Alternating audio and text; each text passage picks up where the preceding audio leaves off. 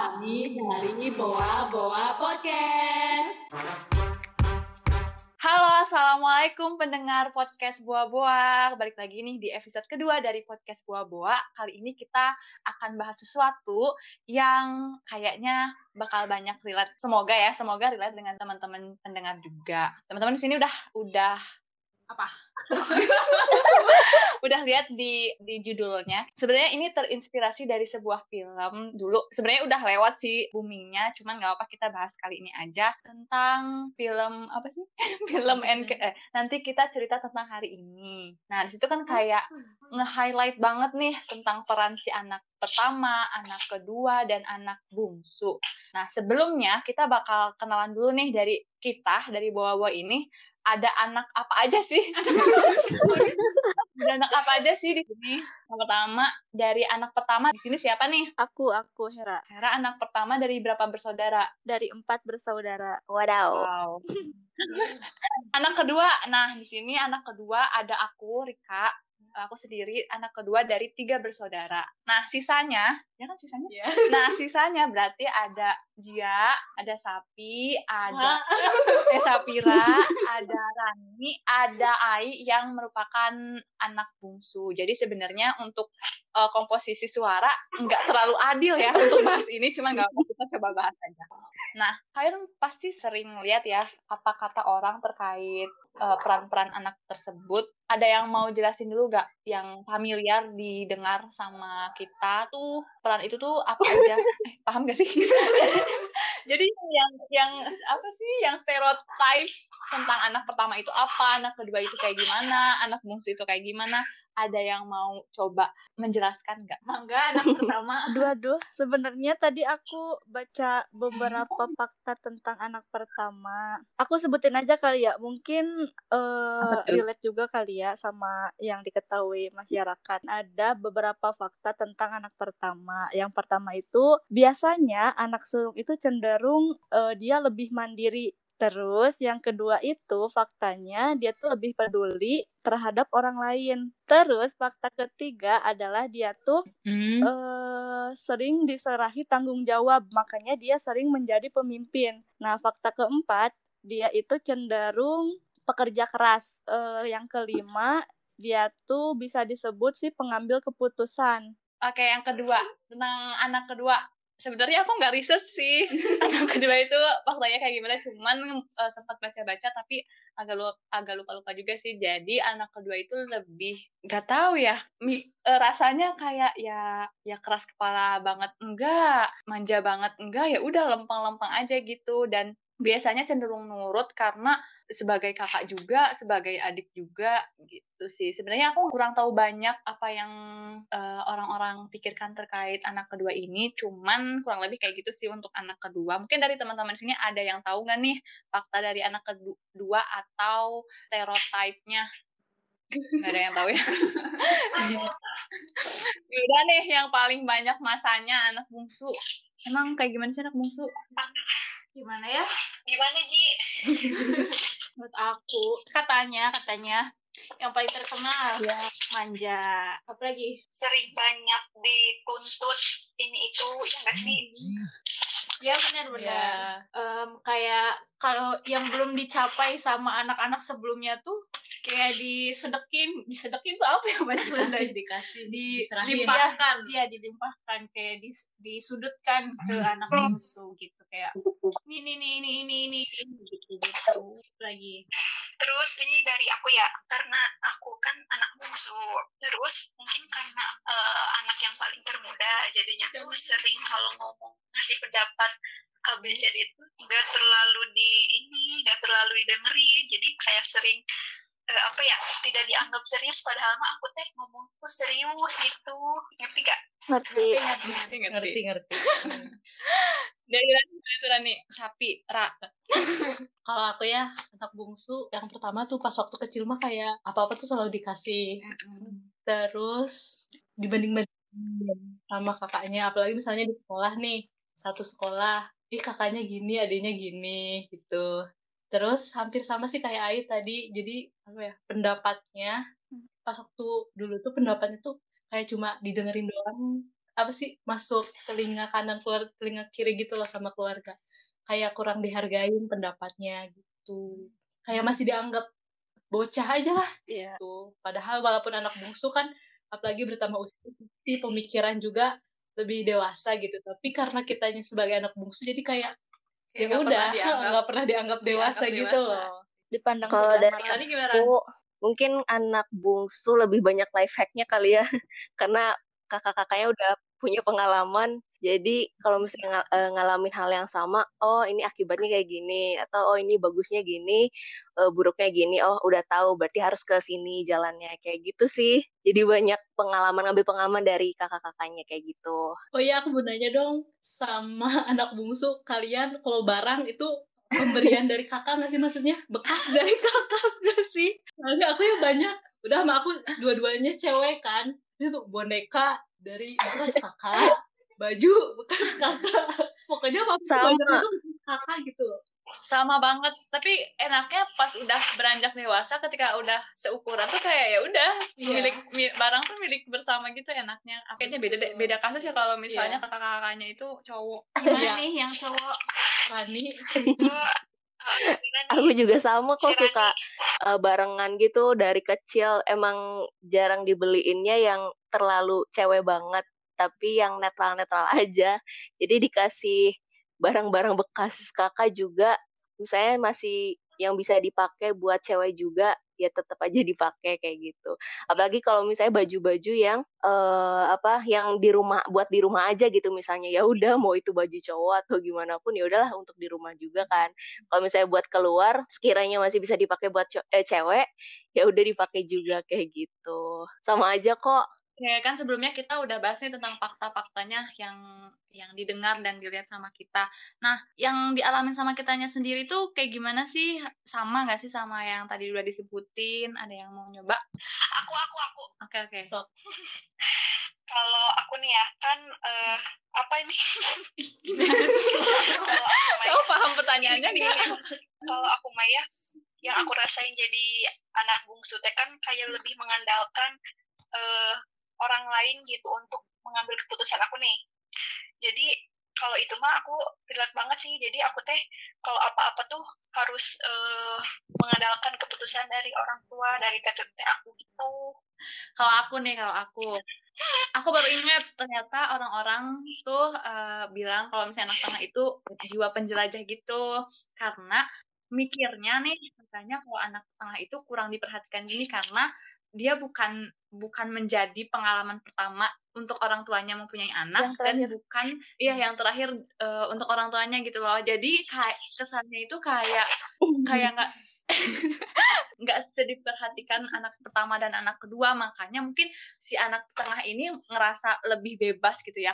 Nah itu aku ngerasa banget sih jadi anak kedua karena aku ngerasa ya di antara kakak aku dan adik aku aku yang rada nyeleneh dibanding kakak dan adik aku. Kakak dan adik aku tuh cenderung yang nurut-nurut aja. Nah sedangkan aku tuh ada aja uh, ceritanya ada aja masalahnya gitu itu sih tapi nggak serta merta jadi nyesel atau jadi gak enak buat jadi anak kedua enak-enak aja sih sebenarnya. Dan dan kata orang yang nggak terlalu diperhatikan juga sebenarnya enggak juga sih. Itu kayaknya tergantung ke orang tuanya kayak gimana. Cuman ngerasa banget kalau misalnya ya bebas dan agak Andai. punya jiwa petualang gitu gitu. Oh, aku ya yang dirasain uh, waktu kecil tuh lebih banyak nggak enaknya sih soalnya apa ya selalu ada di bayangan kakak gitu loh. Apalagi sama kakak kedua kan bedanya dua tahun. Jadi sekolah tuh udah mau pasti uh, satu sekolah kan sampai SMP makanya salah satu hal yang ngebuat aku ke SMA-nya jauh itu karena nggak mau di lingkungan yang ada bayangan uh, kakaknya gitu. Soalnya dari SD SMP itu selalu aja dibandingin sama kakak gitu. Jadi uh, misalnya sama guru SD gitu. Oh iya ya ini adiknya ini ya selalu digituin gitu loh. itu kan itu kayak iya aku teh kan maksudnya oh. aku teh punya nama sendiri gitu. Kenapa selalu ada bayangan nama kakak? gitu. Tapi pas setelah dipikir-pikir lagi sekarang kayak oh itu tuh kayak uh, apa ya jalan mungkin aku biar lebih dikenal orang gitu kan. Mungkin orang masyarakat mikirnya lebih gampang lah kayak gitu. Jadi itu sih yang aku rasain mah tapi untuk sekarang sekarang jadi uh, aku ngerasa enaknya tuh pas udah gede soalnya mungkin uh, akunya juga bisa apa ya berpendapat dan udah mulai didengerin gitu pendapatnya. Jadi mau apa-apa juga gak dianggap anak kecil lagi. Terus tuh lebih apa ya bisa lebih ngungkapin perasaan aku kayak gimana gitu terus kakak-kakaknya juga kayak udah mengayomi gitu loh. Kan waktu dulu mungkin nganggapnya anak kecil anak kecil gitu. Kalau sekarang tuh udah gede tuh ah udah ini mah memang ya udah gede gitu. Gak, gak bisa selalu dianggap anak kecil aja. Aku aku jadi teringat gara-gara Safira bilang ada bayangan gitu ya. Oh ini adiknya ini. Kalau aku karena aku anak bungsu ya kan aku punya kakak tiga dua laki-laki satu perempuan. Dan yang ketiga itu kan perempuan juga ya. Jadi orang-orang tuh nyangkanya aku tuh teteh aku. Jadi sekarang tuh kamu mungkin mirip gitu sama kakak kamu. Iya Neng Ica ya. Seperti gitu. Pokoknya ya terus kalau panggilan mama kan suka kalian suka nggak sih kayak mama kalian atau bapak kalian tuh dipanggilnya sama nama anaknya? Kayak e, apa sih mama Safira? gitu gitu ya. Tuh nama aku tuh nggak ada guys. Jadi kayak papa Iman. Karena terus tuh kakek Heri mama Ica. Yang paling terkenal tuh mama Ica nama Zia tuh nggak ada di lingkungan aku anak beneran kan? Sampai diledekin aku teh ya Allah gitu lah. Hampir relate sih semuanya. Aku ya. Mangga Rani. kalau aku itu waktu kecil ngerasain emang gak enaknya banyaknya waktu kecil ya. Apalagi kakak kan cowok semua.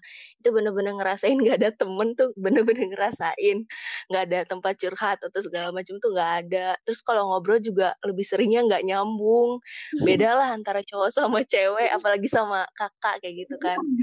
Terus tapi enaknya kalau udah gede itu udah sama-sama dewasa ngobrol juga udah makin meluas lah obrolannya udah saling ngerti satu sama lain terus jadi lebih keras aja gitu manfaatnya. Ada manfaatnya sebagai adik ada manfaatnya sebagai kakak terus jadi tempat uh, curhat sharing kayak gitu udah mulai ngerti. Dan apalagi kalau misalnya kakaknya cowok uh, lebih bisa apa ya ngerasa dijagain kayak gitu tuh emang kerasa banget gitu kalau misalnya di usia sekarang jadi temen ngobrol lah seru kayak gitu ser kerasa serunya sekarang sekarang aduh Hera gimana Her? Hmm. Gimana ya? Aku mungkin pernah baca kayak ada di Twitter tweet gitu tentang anak pertama. Terus kayaknya hampir sama sih, lebih ke kayak ngerasa punya tanggung jawab yang besar karena di enggak-enggak juga anak pertama tuh kayak bakal jadi contoh buat adik-adiknya. Tapi di sisi lain kadang adik aku tuh merasa kayak iri gitu loh. Kayak apain sih dibanding-bandingin gitu. Aku nyambung yang dari Hera. Sebenarnya aku aku tuh ngerasa jadi anak pertama juga hmm. untuk sekarang ya soalnya kakak aku kan udah nikah. Kalau cewek udah nikah kan otomatis kayak ikut ke suami kan dan di kakak juga di kartu keluarga juga nama teteh aku tuh udah nggak ada gitu. Jadi otomatis untuk nama anak pertama itu aku nah sekarang tuh kayak udah mulai kerasa-kerasa gitu bedanya. Bedanya waktu pas aku jadi anak kedua terus sekarang jadi anak yang paling tua. Yang Hera katain mulai kerasa dan aku nggak bisa bayangin juga sih selama ini aku selama berapa tahun berarti jadi anak pertama. Nah, kalian ada suka dukanya gak jadi anak pertama, jadi anak kedua, jadi anak ketiga, eh anak terakhir, suka dan dukanya itu apa aja? Sukanya dulu deh. Aku dulu. Aku kan anak bungsu. Jadi sukanya itu diperhatiin gitu sama kakak-kakak terutama uh, karena mungkin uh, dia udah banyak pengalamannya gitu ya jadi ya gitu ke adik-adiknya aku deh sukanya jadi anak kedua sebenarnya agak mikir sih apa soalnya kayak ya udah lempeng-lempeng aja gitu loh. Paling ini sih jadi kan karena kan kalau anak kedua itu dia jadi kakak dan dia juga jadi adik jadi kayak lebih netral gitu. Aku bisa berperilaku sebagai kakak dan aku juga bisa berperilaku sebagai adik gitu. Jadi aku ngerasa uh, lebih netral gitu. Nggak nggak terlalu dominan sifat salah satu gitu. Oke kalau aku anak pertama sukanya mungkin jadi anak pertama yang bisa diajak diskusi sama orang tua gitu. Jadi le, diajak diskusi tentang banyak hal sama orang tua. Terus sukanya ya punya adik-adik banyak suka gitu. Apa ya merekanya sayang. Terus banyak perhatian juga itu sukanya. Kalau aku sukanya jadi anak terakhir. Gak tahu sih sebenarnya mereka kan pas kecilnya kayak gimana. Aku juga nggak tahu ya. Kalau pas aku tuh kayak mudah aja gitu kalau dapat sesuatu. Misalnya aku pengen ini, pengen itu. Terus aku lagi butuh sesuatu. Pokoknya kayak minta bantuan dari kakak-kakak. Itu tuh e, ngebantu banget sebagai anak terakhir gitu. Itu sih sukanya. Kalau aku ya sebagai anak bungsu, kalau dari orang tua paling kayaknya sih lebih diperhatiin kayak gitu terus uh, permintaan dikabulin. Woi. terus kalau sekarang karena dua kakaknya udah kerja udah menghasilkan gitu ya jadi suka dikasih uang. Bener bener bener. Aja gitu. Iya gak sih? Aku gitu. Ya kan? Iya. Ya kan? Jadi kayak enak lah di uh, apa-apa dikasih apa-apa dikasih gitu. Si Aisyah Aisyah. Esa kamu hal yang disyukuri jadi anak bungsu apa? Ai Ai Ai di Ai umurnya udah udah penuh Ai Ai aku rasain ya lebih dekat ke orang tua gitu khususnya tuh ke ibu. Soalnya aku dibandingin sama teteh aku tuh jadi aku lebih deket ke ibu jadi ibu tuh lebih terbuka ke aku. Aku suka jadi, jadi anak bungsu tuh itu uh, ibu aku tuh jadi lebih deketnya ke aku apa apa ke aku terus apalagi ya? Apa ya kan aku punya teteh nih. Yang teteh aku kan udah ke, belum kerja banget sih. Tapi uh, udah punya penghasilan gitu. Jadinya tuh uh, kecipratan lah gitu. Uh, suka dikasih gitu.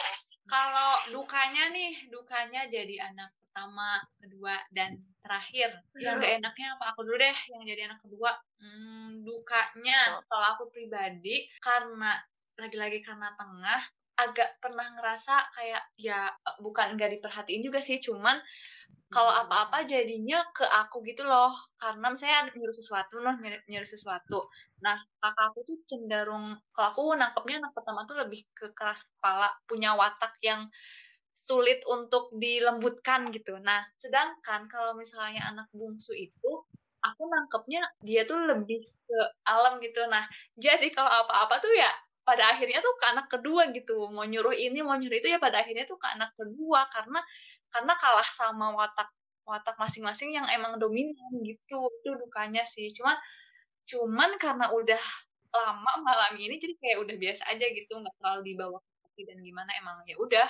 Selagi aku bisa ya udah gitu. Gitu kalau dukanya. Oh sebagai anak bungsu dukanya itu dulu itu pas masih sekolah gitu ya pas teteh aku masih sekolah kayak aku tuh sempet gak suka kalau misalnya ada cemburu gitu di antara misalnya teteh aku tuh cemburu sama aku gitu ya. Dan itu tuh paling paling tidak mengenakan se sejagat raya pokoknya. Mau itu tuh kayak kayak kamu yang salah uh, uh, ke kita ke akunya tuh ke anak bungsunya tuh kayak ya ampun padahal mah nggak mau gitu ya atau mungkin maksudnya bukan gitu tapi nangkepnya malah lain gitu ya karena uh, kakak perempuannya satu-satunya gitu. Terus gak sukanya kalau udah disudutin kayak apa apa teh mah neng mah kudu kieu gitu hmm. eh, gak mau itu tuh kayak gitu terus uh, sekarang mah karena di rumah tinggal sendiri anaknya jadi apa-apa teh uh, dilimpahkan gitu uh, kalau aku ya gak uh, dukanya itu jadi uh, karena mungkin ada orang tua terus kakak yang lebih berpengalaman mungkin maksudnya baik kayak merintah uh, lebih baik ini ya lebih baik hmm. itu ya. Tapi karena kebiasaan gitu jadi ke aku itu kayak kurang explore diri gitu loh. Harus disuruh sana sini tanpa akunya harus nurut kayak gitu. Jadi misalnya kayak uh, satu hal aja. Karena mungkin misalnya teteh aku udah pernah ngalamin nih yang mau aku alamin gitu.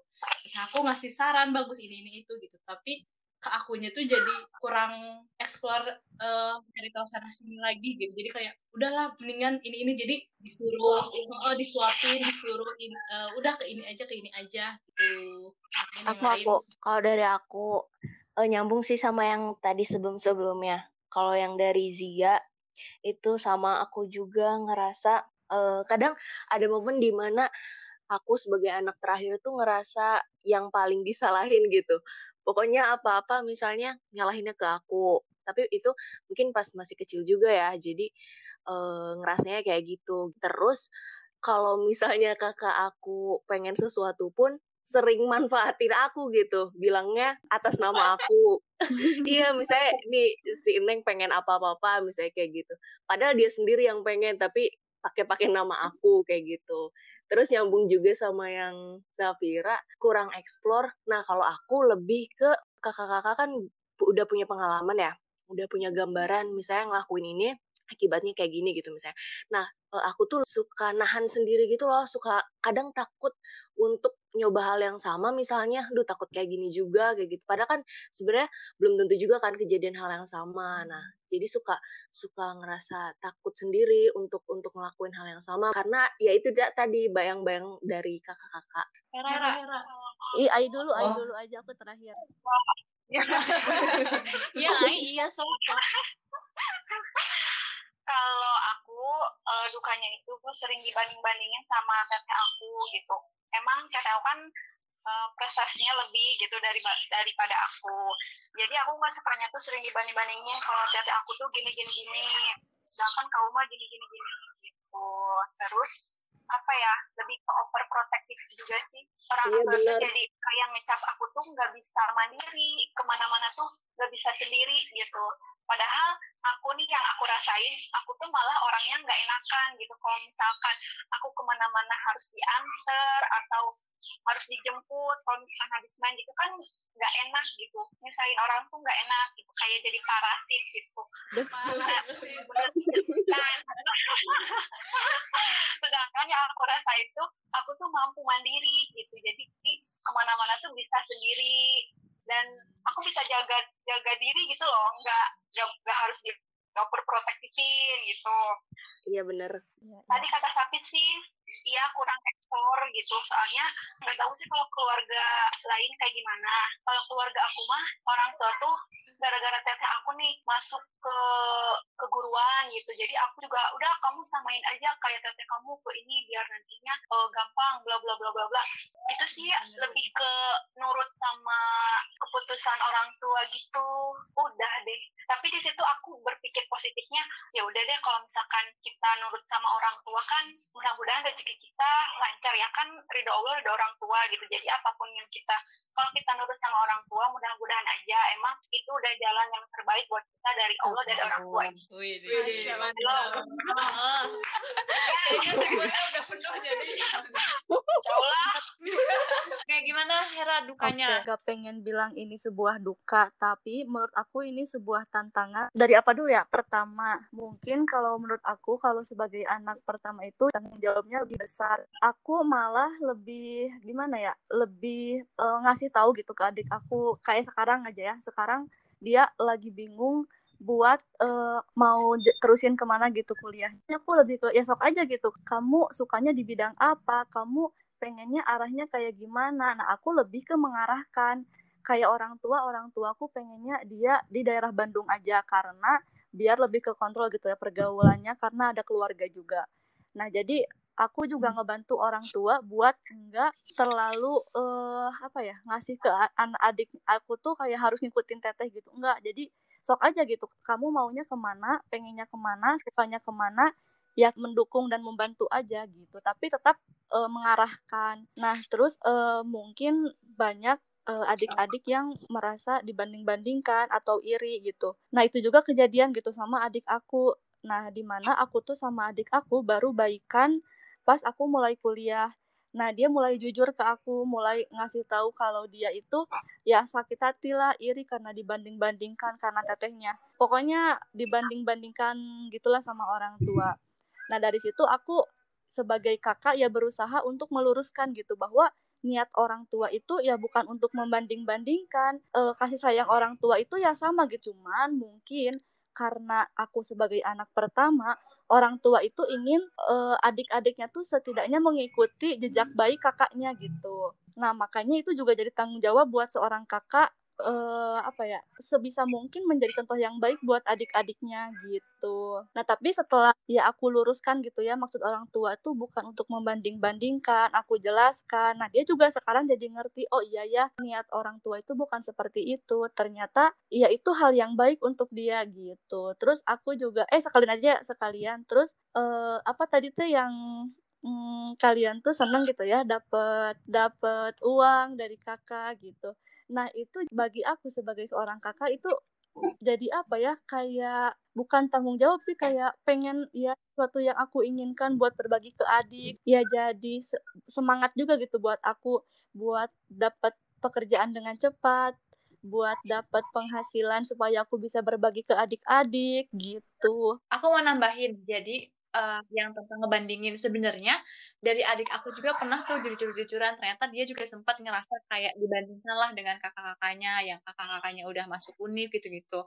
Nah posisi aku tuh aku aku juga menjadi adik dan aku juga pernah ngerasa dibandingkan sama kakak aku. Jadi aku paham banget nih yang dirasain sama adik aku. Jadi mungkin keuntungannya jadi anak tengah aku bisa menasehat, mengingatkan dan mengasih arahan ke adik aku karena aku mengalami hal yang sama gitu. Ketika aku uh, sebagai adik diperlakukan seperti itu, tuh harus kayak gimana dan pada akhirnya ya ketika kita udah sadar ya bukan untuk membandingkan sebenarnya dan dan kita punya hak untuk merasa tidak dibandingkan gitu. Kayaknya merasa dibandingin hal yang lumrah gitu dari semua anak apalagi uh, para adik-adik aku mau nanya dong boleh ya boleh, kalau boleh. misalnya boleh. dari kalian sendiri sebagai kakak-kakak kan kami semua selain kalian berdua kan adik-adik ya uh, kalau kalian malah pernah ngerasain nggak hal yang sebaliknya merasa bahwa pokoknya Bandingkan. kok misalnya nih orang tua lebih banyak perhatiannya ke adik kayak gitu-gitu pernah nggak ngerasain hal itu Siapa dulu nih? Aku. Aku pernah banget. Aku pernah banget. Cuman lupa sih kejadiannya. Cuman tapi aku pernah ngerasa kayak gitu. Uh, yang kasih sayangnya ngerasa uh, lebih lah ke adik. Gitu. Cuman kalau di terus-terusan dipikirin kayak nggak enak di kita sih. Jadi kalau aku nggak tahu ya sampai saat ini ngerasanya walaupun ngerasa kayak gitu nanti tuh lama-lama hilang gitu dan paham paham terus ulang lagi paham lagi gitu sih kayaknya siklus siklus punya saudara bakal terus-terusan kayak gitu uh, ngerasa di ngerasa pilih kasih atau ngerasa nggak adil tapi pada akhirnya ya ya sadar karena ya saudara hmm. mau gimana lagi gitu. kalau dari aku hmm. karena mungkin kan kalau Rika uh, anak tengah ya ada kakak jadi, kakak dan jadi adik juga cuman kalau aku sebagai kakak ada gak punya kakak ya sebagai kakak aku sih lebih ke ngertiin kalau sekarang lebih ke ngertiin aja gitu karena orang tua aku selalu menegaskan ya kasih sayang mereka tuh sama mau ke anak pertama, kedua, ketiga sama. Tapi orang tua aku itu e, menegaskan bahwa kebutuhan kalian kalian itu berbeda gitu. Makanya cara menyikapi orang tua aku ke anak pertama, kedua, ketiga dan keempat itu berbeda. Jadi bukan kasih sayang yang berbeda, tapi bagaimana cara menyikapi e, kebutuhan kita masing-masing itu gitu. Jadi aku juga nggak ngerasa kayak sekarang uh, mungkin orang tua aku lagi fokus ke adik-adik aku ya gak apa-apa gitu. Karena aku tahu mereka lebih membutuhkan uh, hal itu daripada aku gitu. Jadi aku nggak ngerasa uh, pilih kasih atau aku kurang kasih sayang atau gitu. Enggak sih. Kalau aku gitu ya. Terus aku mau nambahin juga uh, yang terkait ya aku pernah dengar gini karena kan kita tuh seumur hidup bakal bersaudara gitu mau sebelnya jeleknya se saudara ya mau gimana pun dia nggak akan pernah yeah. jadi mantan mm. saudara ya gak sih mm. sampai nyebelin apa mau segimanapun ya mau gak mau kita harus berbaikan sama dia tuh karena yang kalau misalnya di dunia ini nih kalau misalnya di dunia ini kita nggak punya teman lagi yeah. yang bisa nolongin ya cuma keluarga yaitu saudara gitu kan terus terus yang yang terkait memahami juga karena ya tadi porsi dan mungkin kebutuhan nah semakin gede kayak ngerasa karena kan mungkin yang sekarang perlu banget diperhatikan tuh adik aku kan. Nah ya itu aku ngerasa nggak apa-apa karena aku merasa diri aku udah bisa nih aku bisa memanage diri aku sendiri aku bisa ngatur diri aku sendiri gitu. Beda mungkin sama adik aku yang perlu bimbingan lebih perlu diarahin lebih perlu perhatian lebih gitu sih. Karena ya udah ngerasa bisa aja. Beda kalau waktu pas masih kecil atau masih remaja uh, eh, jealous atau cemburu gitu tuh masih suka ada gitu. Cuman kalau misalnya udah makin gede makin ngerti gitu. Betul. Gitu. Sejuta. kalian kalau misalnya disuruh milih mau jadi anak keberapa? Boa boa boa boa boa